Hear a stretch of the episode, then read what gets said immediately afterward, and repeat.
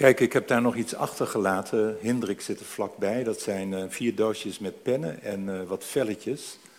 Wat ik graag zou zien gebeuren is dat iedereen een velletje heeft en een pen om iets op te schrijven.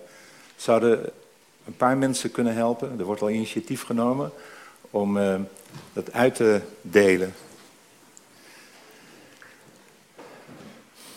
Mooie mensen, ik, ik ben na lange tijd weer eens hier. Uh, de vorige keer was uh, januari vorig jaar. Dus dat is wel heel erg lang geleden.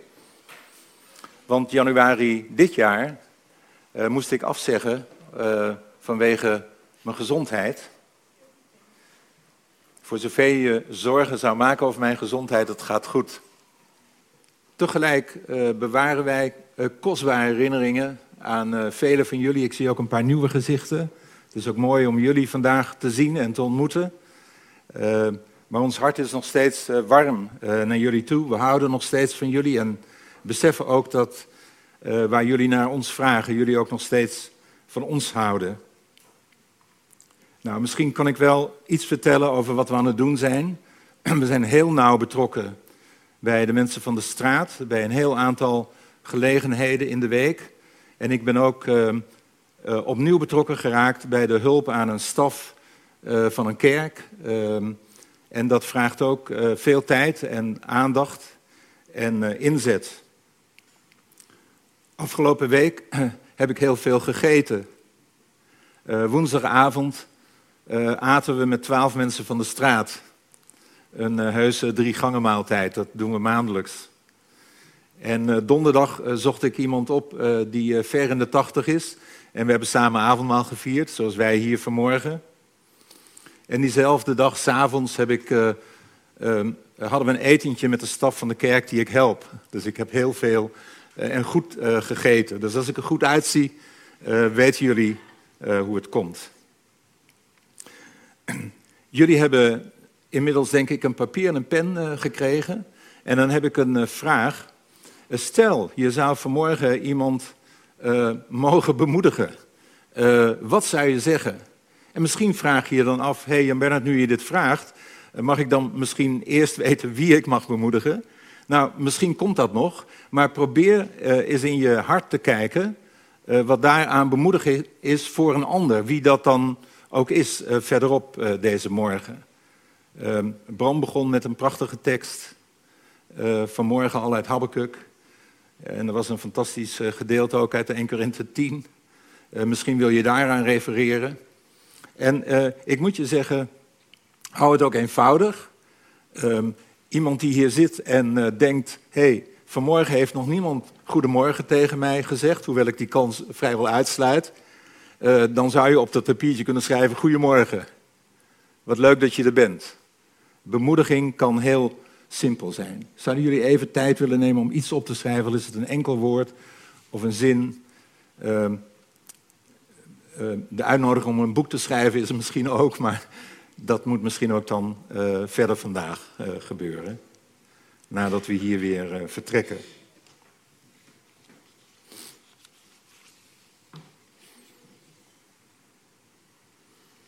Ja, is het aan het lukken? Je mag er ook mee doorgaan tijdens de preek. Ik zal er niet denken dat je met andere dingen bezig bent.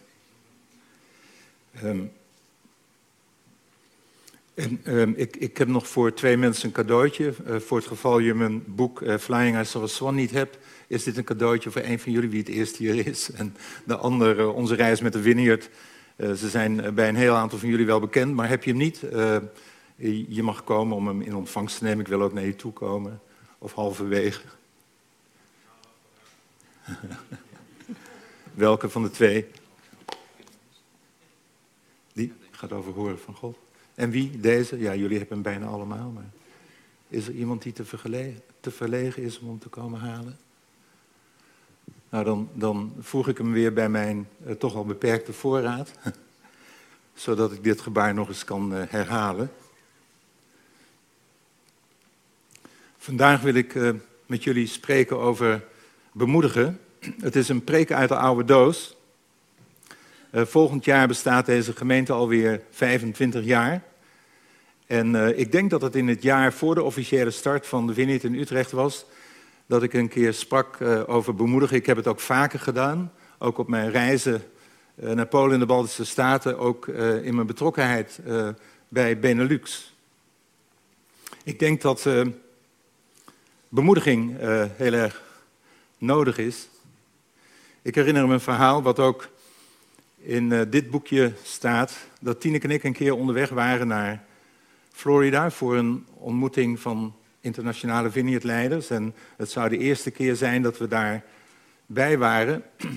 En uh, ik herinner me nog het moment dat we samen in het vliegtuig zaten. En uh, we waren vrij stil. Het, het, het, contact tussen ons liep ook wat moeizaam. En we waren blijkbaar allebei in gedachten over iets. En toen we begonnen te praten, bleek dat te zijn dat wij ons niet goed genoeg voelden om bij die ontmoeting in Florida te zijn. En daar zaten we mee te worstelen tijdens de reis. En toen we in Florida aankwamen, werden we in een uh, huis uh, ondergebracht. Um, op een uh, prachtige plek. Er stond ook nog een bordje: kijk uit voor overstekende alligators. Um, dus het was ook niet ongevaarlijk. En wij, wij waren in dat huis. Op een bepaald moment hebben we de tv aangezet. En het was ergens aan het begin van het jaar in januari. Uh, de, de, de kerstsfeer en de sfeer van oud en nieuw uh, hing, hing, daar nog een beetje. En op een gegeven moment, we zetten de televisie aan, was Jack Havert daar. Wie heeft wel eens van Jack Havert gehoord? Een bekende Amerikaanse christen, christelijke leider, die ook heel veel over aanbidding heeft geschreven. En hij vertelde daar het verhaal dat hij met kerst bij zijn dochter en haar man en hun gezin was geweest. En uh, zijn kleinzoon was naar hem genoemd, Jack Jr. En die zat in de kamer te spelen waar Jack Havert probeerde wat rust te nemen na enerverende kerst. En toen hoorde hij Jack de hele tijd zeggen, I'm a bad boy, I'm a bad boy, I'm a bad boy. En wat er op dat moment gebeurde, dat klinkt misschien kinderachtig voor twee volwassen mensen, maar wij begonnen te huilen. Wij, wij hadden op de reis naar Florida gedacht, we zijn niet goed genoeg. En uh, de Heilige Geest kwam en uh, troostte ons. En ik denk, um, ontmoediging is zo deel van hoe onze samenleving in elkaar steekt, dat uh, het kan niet anders of we hebben dagelijks, ik zou bijna zeggen driemaal daags, bemoediging nodig, uh, überhaupt om door te kunnen leven en ook te kunnen overleven in een samenleving van uh, ontmoediging. En uh, wanneer ik vanmorgen over bemoediging spreek, dan ga ik nu een vraag stellen voor degenen die mijn boek Flying Saw a Swan niet hebben gelezen. En ehm, die deze preek niet eerder hebben gehoord, omdat het er eentje is uit de oude doos. Ik ga jullie Bijbelkennis testen. Ik wil het over Jozef hebben. En mijn vraag aan jullie is: over welke Jozef wil ik het graag hebben? Hoeveel Jozefen kennen jullie in de Bijbel?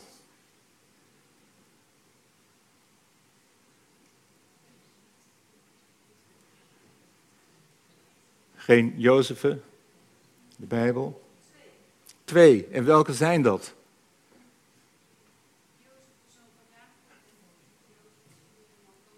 Jozef, de zoon van Jacob, en Jozef, de man uh, van Maria. En er is nog een derde Jozef. Jozef van Arimathea. Dat is de derde die zijn nog niet gebruikte nieuwe graf ter beschikking stelde aan het lichaam van Jezus, zodat hij uh, daar kon worden begraven. Maar er is nog een Jozef in de Bijbel. Die vind je ook in het Nieuwe Testament. Um, weten jullie er nog één? Nou, ik, denk dat het moeilijk is om daar op te komen, omdat de apostelen hem een bijnaam hadden gegeven, namelijk Barnabas. Zij noemden hem Barney.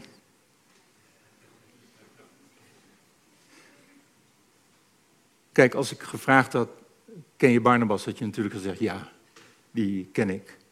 Was het meteen raak geweest. Nou, Barnabas, zijn naam betekent zoon van de troost. Of uh, bemoediger eigenlijk. Eh, dat lijkt mij een mooie bijnaam.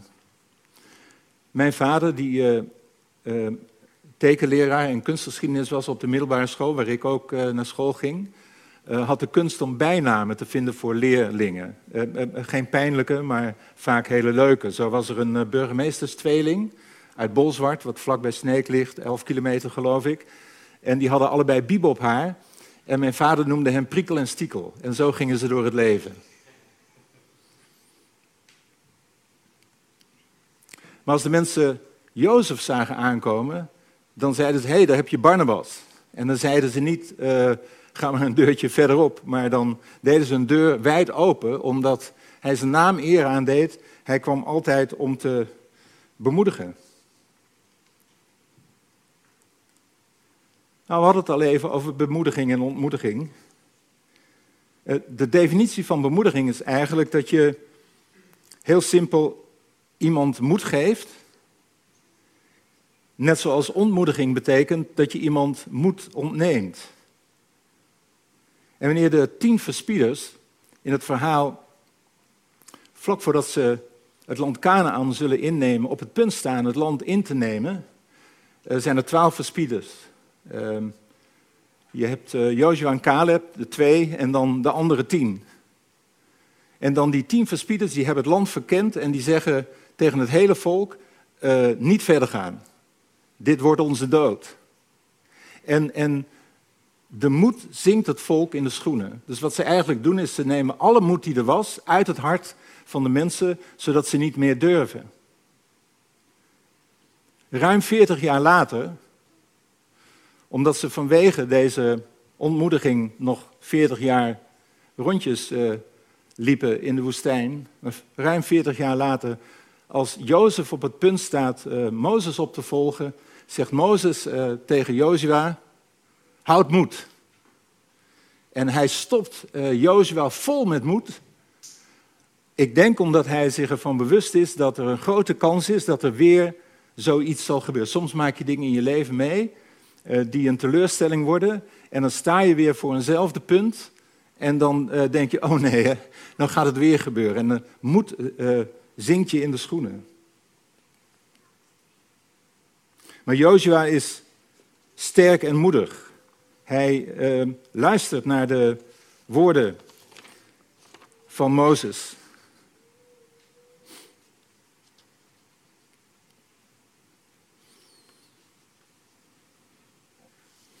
Als wij hier op zondag bij elkaar komen, op, op andere momenten ook als huisgroepen, dan uh, is eigenlijk een van de eerste taken die we naar elkaar van God hebben gekregen, elkaar uh, bemoedigen.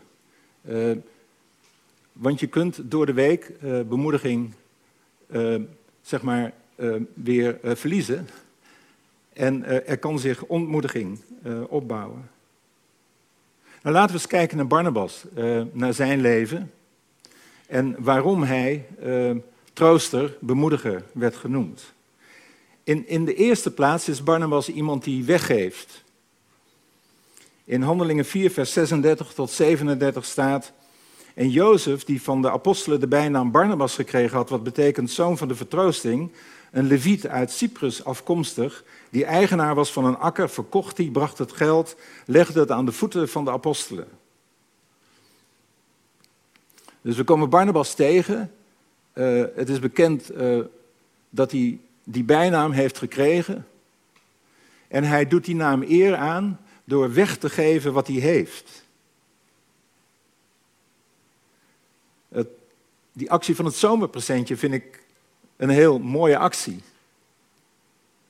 Om, omdat het niet een soort, zeg maar, um, ontzettend project is maar juist gericht is op uh, dat ene kind of die ene persoon die dit jaar niet met vakantie kan gaan en bemoediging kan gebruiken. En zo was Barnabas.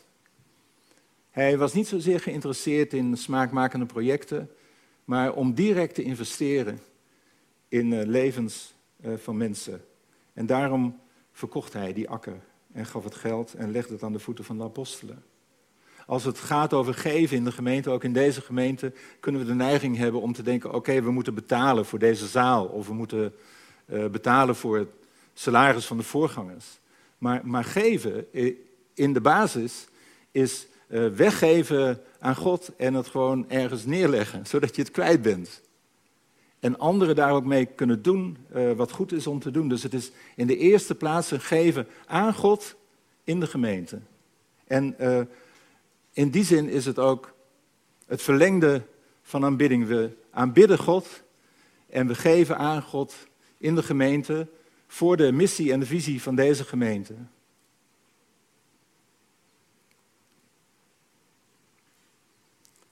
Nou, soms kun je natuurlijk over geld beschikken en dan denk je, nou, dat zetten we ook nog even op een spaarrekening, ook dat kan goed zijn. Net zoals het kan zijn met een heel mooi idee wat je hebt, wat je vandaag um, in praktijk zou willen brengen. Misschien op deze vaderdag. En dat je denkt, nou nee, uh, laat ik nog even wachten met het idee in praktijk te brengen. Misschien moet ik nog een jaartje wachten tot de volgende vaderdag. En het, en het dan in praktijk brengen. Nou, dat kan goed zijn om ideeën te laten rijpen. Want uh, soms kun je ook op een verkeerde manier impulsief zijn. Maar, maar als je iets hebt waarvan je weet uh, dat God het je heeft toevertrouwd, uh, investeer het, geef het, geef het vers weg.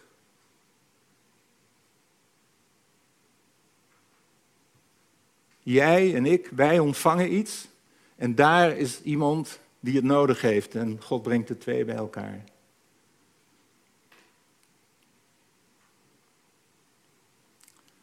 Barnabas was niet alleen iemand die weggaf, maar hij is ook iemand die kijkt met ogen van genade. Op het moment dat er een gemeente is in Jeruzalem en er is een gemeente in Samaria, in Jeruzalem met name van Joden, in Samaria met name van halfjoden, ontstaat er iets nieuws, iets compleet nieuws in de stad Antiochië. En daar uh, voor het eerst uh, gaan eigenlijk mensen volgen die daarvoor Jezus of uh, ook God nog niet kenden. En dat was heel nieuw, dat was heel opwindend. En dan vragen de apostelen in Jeruzalem zich af, de Johannessen en de Petrussen en de Jacobussen. Uh, hey, wat is er nou in Antiochië nodig? En dan bidden ze en dan komen ze op het idee om Barnabas uh, daar naartoe te sturen. Over Barnabas stond toen al geschreven dat het een man was uh, vol van de Heilige Geest. Ze vaardigde Barnabas af naar Antiochië en toen deze daar aankwam en de genade van God zag, um, verloor hij geen tijd en ging aan het werk. Antiochie betekende, er was iets nieuws. En als je dan afvraagt, en wie moet daar nou naartoe? Kijk, er zijn natuurlijk hele goede leiders en mensen die doctrine kunnen brengen, of correctie kunnen brengen, of uh, de dogma's op een goede manier uh, op een rij kunnen zetten. Maar het eerste wat daar nodig was, was iemand die kon kijken met ogen van genade. En ik denk dat dat in onze samenleving ook zo is. En ook in ons kerk zijn. Dat we kunnen verlangen naar iets nieuws. En het mooiste nieuwe is eigenlijk dat mensen die Jezus nog niet kennen, Hem leren kennen en Hem gaan volgen. En um, om daarbij betrokken te zijn is het nodig dat we kijken met ogen van genade. Want onze samenleving opnieuw en ook um, Sommigen van ons, hoe ze kerkelijk zijn opgegroeid, zitten vol met veroordeling en correctie. Dus we moeten echt leren om met ogen van genade te kijken, de mogelijkheden te zien die uh, God geeft en de open deuren uh, die God geeft, ook om betrokken te raken bij mensen die Jezus nog niet kennen. Um, ik, ik, ben nu ongeveer, nee ongeveer, meer dan vijf jaar met pensioen en ik denk meer dan ooit um, eh, eh, ben ik betrokken bij mensen die Jezus nog niet kennen. En het ontroert me, elke keer weer. En daar is geen quick fix. Het is betrokken raken, kijken met ogen van genade en zegenen.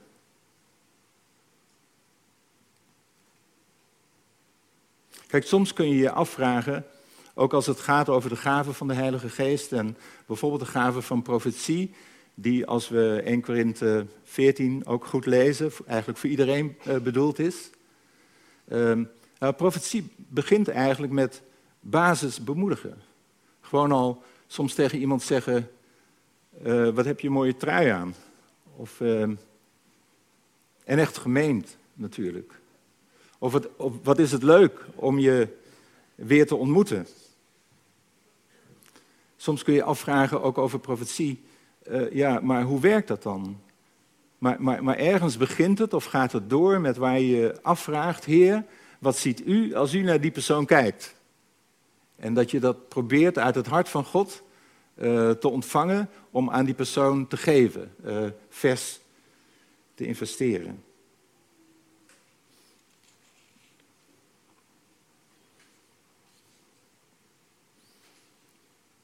Kijken met de ogen van genade. Op een gegeven moment kwam Paulus, die eerder de gemeente had vervolgd, uh, naar Jeruzalem. Na zijn avontuur in Damascus, waar Jezus hem uh, op de weg was tegengekomen en hij van zijn paard was gevallen. Hij moest ontsnappen uit Damascus omdat mensen naar het leven stonden. En het is niet precies duidelijk of hij toen je, ook al de drie jaar in de woestijn van Arabië achter de rug had, maar in ieder geval, hij was in Jeruzalem. En hij wilde graag contact maken met uh, Johannes, Petrus, Jacobus, met de apostelen. Maar uh, die dachten, hij, is een bad guy. Uh, uitkijken voor hem. Hij heeft de gemeente van Jezus vervolgd. En ons, ons iets dierbaar is, dan is het wel de gemeente van Jezus. En waar we ook maar voor op de hoede zijn, is voor mensen die de gemeente van Jezus willen vervolgen. Maar Barnabas keek met ogen van genade. Jeruzalem aangekomen, trachtte Paulus zich bij de discipelen te voegen, Handelingen 9, vers 26, 27. Maar alles schuwde hem omdat zij niet konden geloven dat hij een discipel was. Maar Barnabas uh, trok zich zijn lot aan en bracht hem bij de apostelen. Paulus was de bad guy. Hij was de man met de slechte reputatie. En ik kan me heel goed voorstellen dat Johannes en Petrus en Jacobus dachten: uh, even niet. Ehm, is, eh, de mensen zeiden wel dat hij veranderd was, maar was hij echt veranderd?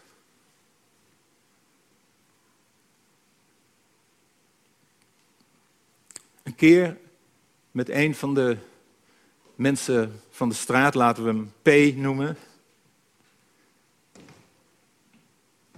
die ik op een bankje langs de singles had ontmoet en we hadden een relatie gebouwd.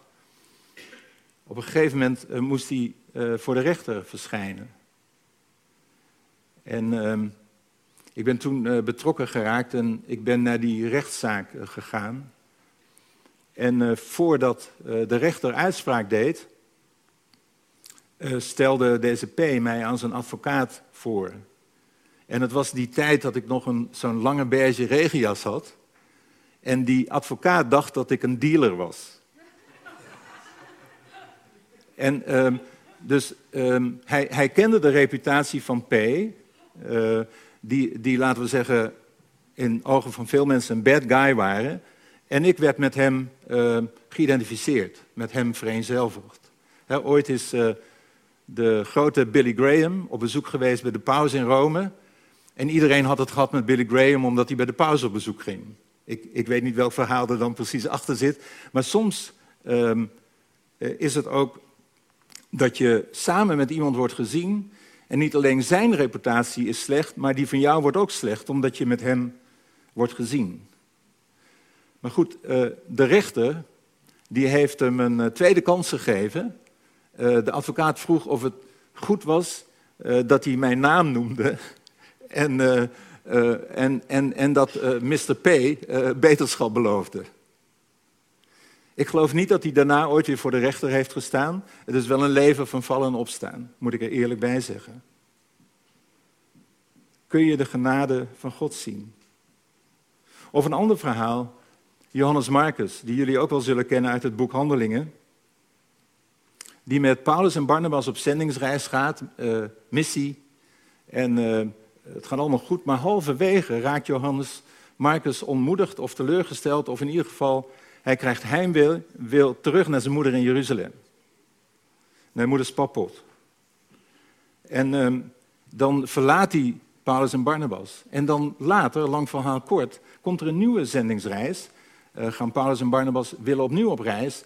En Barnabas, die kijkt met ogen van genade, die wil Johannes Marcus een tweede kans geven. Maar Paulus die zegt, no way. Geen tweede kans voor deze deserteur. Um, Handelingen 15, vers 37 38.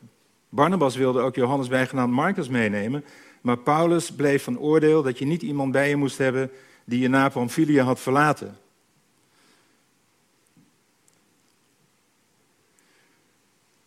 En dit werd ook um, een verschil van mening tussen uh, Paulus en Barnabas en zo heftig uh, dat hun relatie op slot raakte. Ze raakten verbitterd en uh, ze gingen uiteen.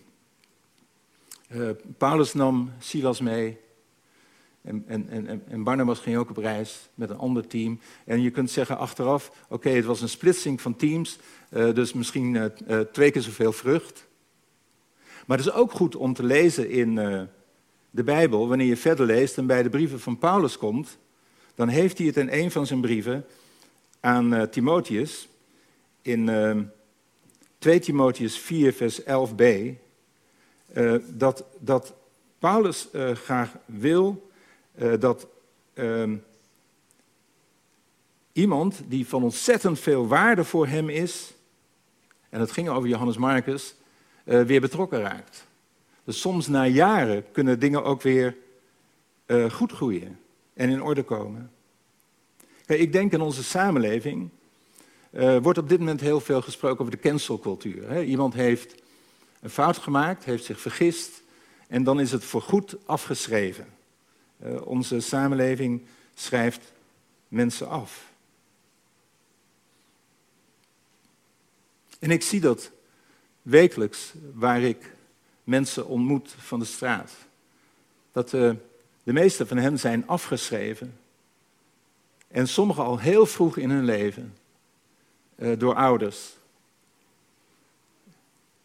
En, en, en die pijn is zo diep gaan zitten dat ze zich hebben willen losmaken van uh, niet alleen het ouderlijk huis, maar ook voor de rest, waar ze ook maar in relatie kwamen, op scholen of in werkkringen en ging het elke keer weer mis.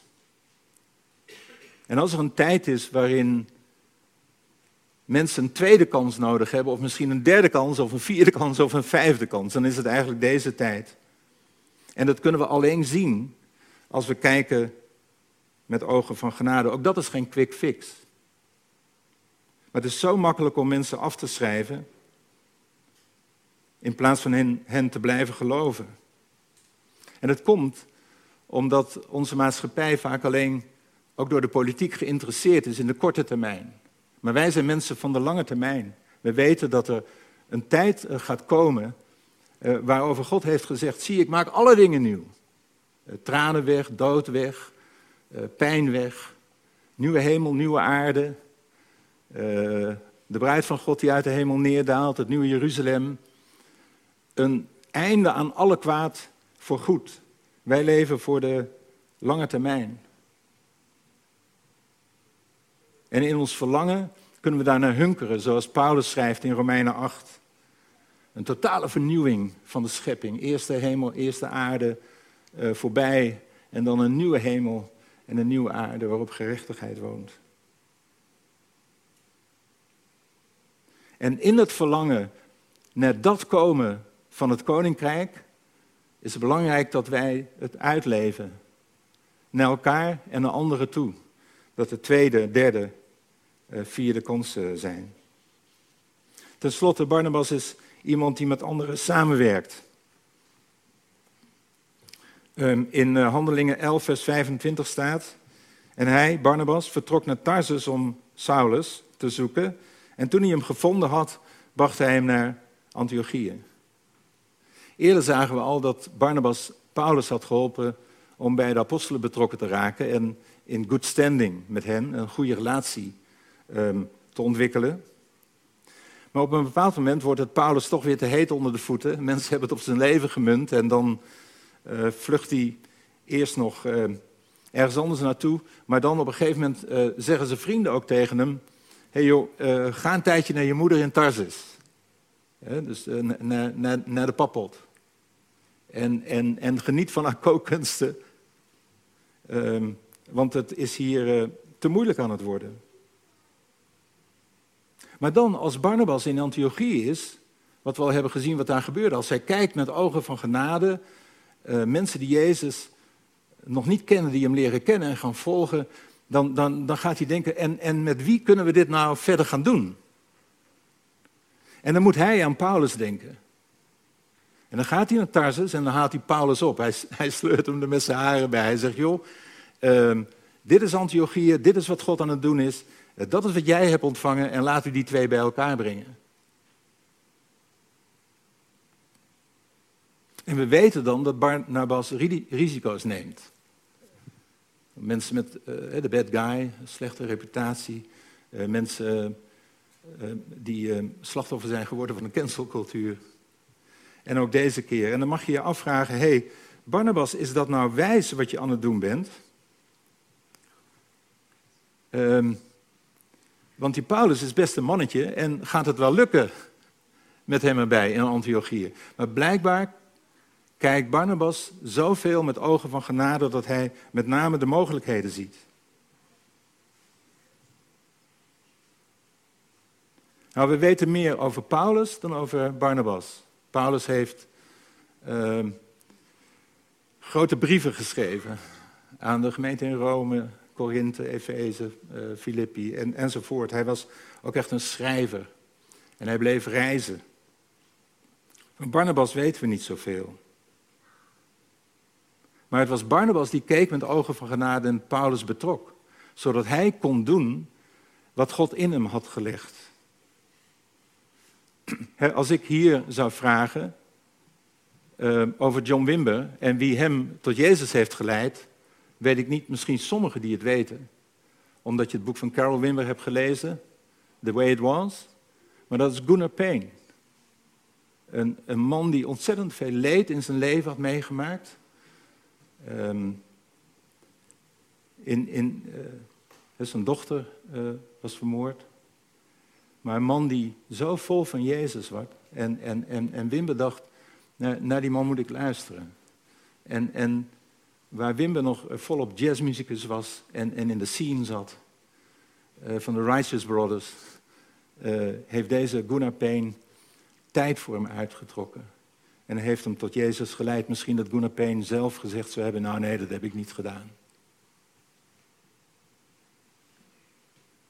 Laten we naar een conclusie toe gaan. Die Barnabas gaf weg wat hij had, keek van, met ogen van genade en werkte samen met anderen. Kijk, als zijn verhaal, zijn levensverhaal in het Oude Testament had gestaan, dan hadden we gezegd, nou, dat is een prachtig type van de Heilige Geest. Zoals bijvoorbeeld Eliezer, de rechterhand van Abraham. Maar zijn verhaal staat niet in het Oude, het staat in het Nieuwe Testament. En de Heilige Geest is er dan al. En dat is meteen de verklaring. Barnabas kon alleen zijn wie hij was, omdat hij vol was van de Heilige Geest. Handelingen 11, vers 24. Barnabas de bemoediger. En wij kunnen alleen maar zijn wie we zijn, uh, wanneer we vol zijn uh, met de Heilige Geest. Het lijkt erop dat Barnabas bemoediging vermenigvuldigde. Dus dat het niet alleen bij hem bleef en eigenlijk ook hier in deze kerk uh, is het nodig dat niet alleen zeg maar, de voorgangers uh, Barnabassen en Barnabessen zijn, maar ook uh, iedereen hier. het is een, het kijken met ogen van genade is, is, een, is een gave van de Heilige Geest die bij iedereen van ons past. En die we ook allemaal in de praktijk kunnen brengen. Ik wil eigenlijk afsluiten met een verhaaltje uh, dat ik even moet opzoeken. Ik weet niet, hebben jullie dat programma van Koen Verbraak wel eens gezien, publieke werken? Uh, het is soms laat op zondag.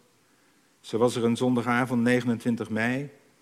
En hij zit dan in een ruimte aan, aan, tafel met een extra gedetineerde, en er waren ook gedetineerden, en, en hun begeleiders. En hoe vaak kwam het verhaal naar voren daar van mensen die iets vertelden? Dat ze door ouders en opvoeders als niet goed of niet goed genoeg waren bestempeld. Dat zijn hartverscheurende verhalen. Waardoor uh, ja, een leven soms totaal uh, kan ontsporen. Ik, ik, werd met ontferming bewogen. En de dag erop hoorde ik een verhaal uh, over een meisje dat bij een diploma-uitreiking was op school. En uh, de leraar had een woordje voor iedere leerling, dus ook voor haar. En uh, die leraar uh, zei tegen haar, ja, van jou weten we toch allemaal, hij zei dat aan publiek, dat je elke eerste schooldag van het nieuwe jaar moest overgeven. dus hij, in, in het publiek zette hij haar, haar weg. zij kon wel door de grond zakken. Goed, dit was het. En uh, als het goed is, hebben jullie je papiertje en je hebt iets opgeschreven. Nu mag je je afvragen, uh, wat ga ik ermee doen? Wat je mag doen is dat je rondkijkt en denkt, uh, Heer, aan wie mag ik dit nu eens geven? Wie mag ik hier nu mee bemoedigen? Nou, er kan een heleboel gebeuren, bijvoorbeeld dat iemand de tien krijgt en niemand geen. Maar daar weten we ook nog wel een weg mee.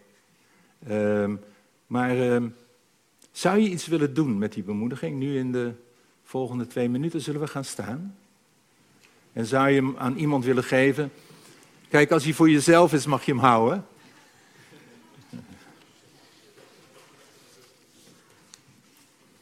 Ja, komen jullie in actie?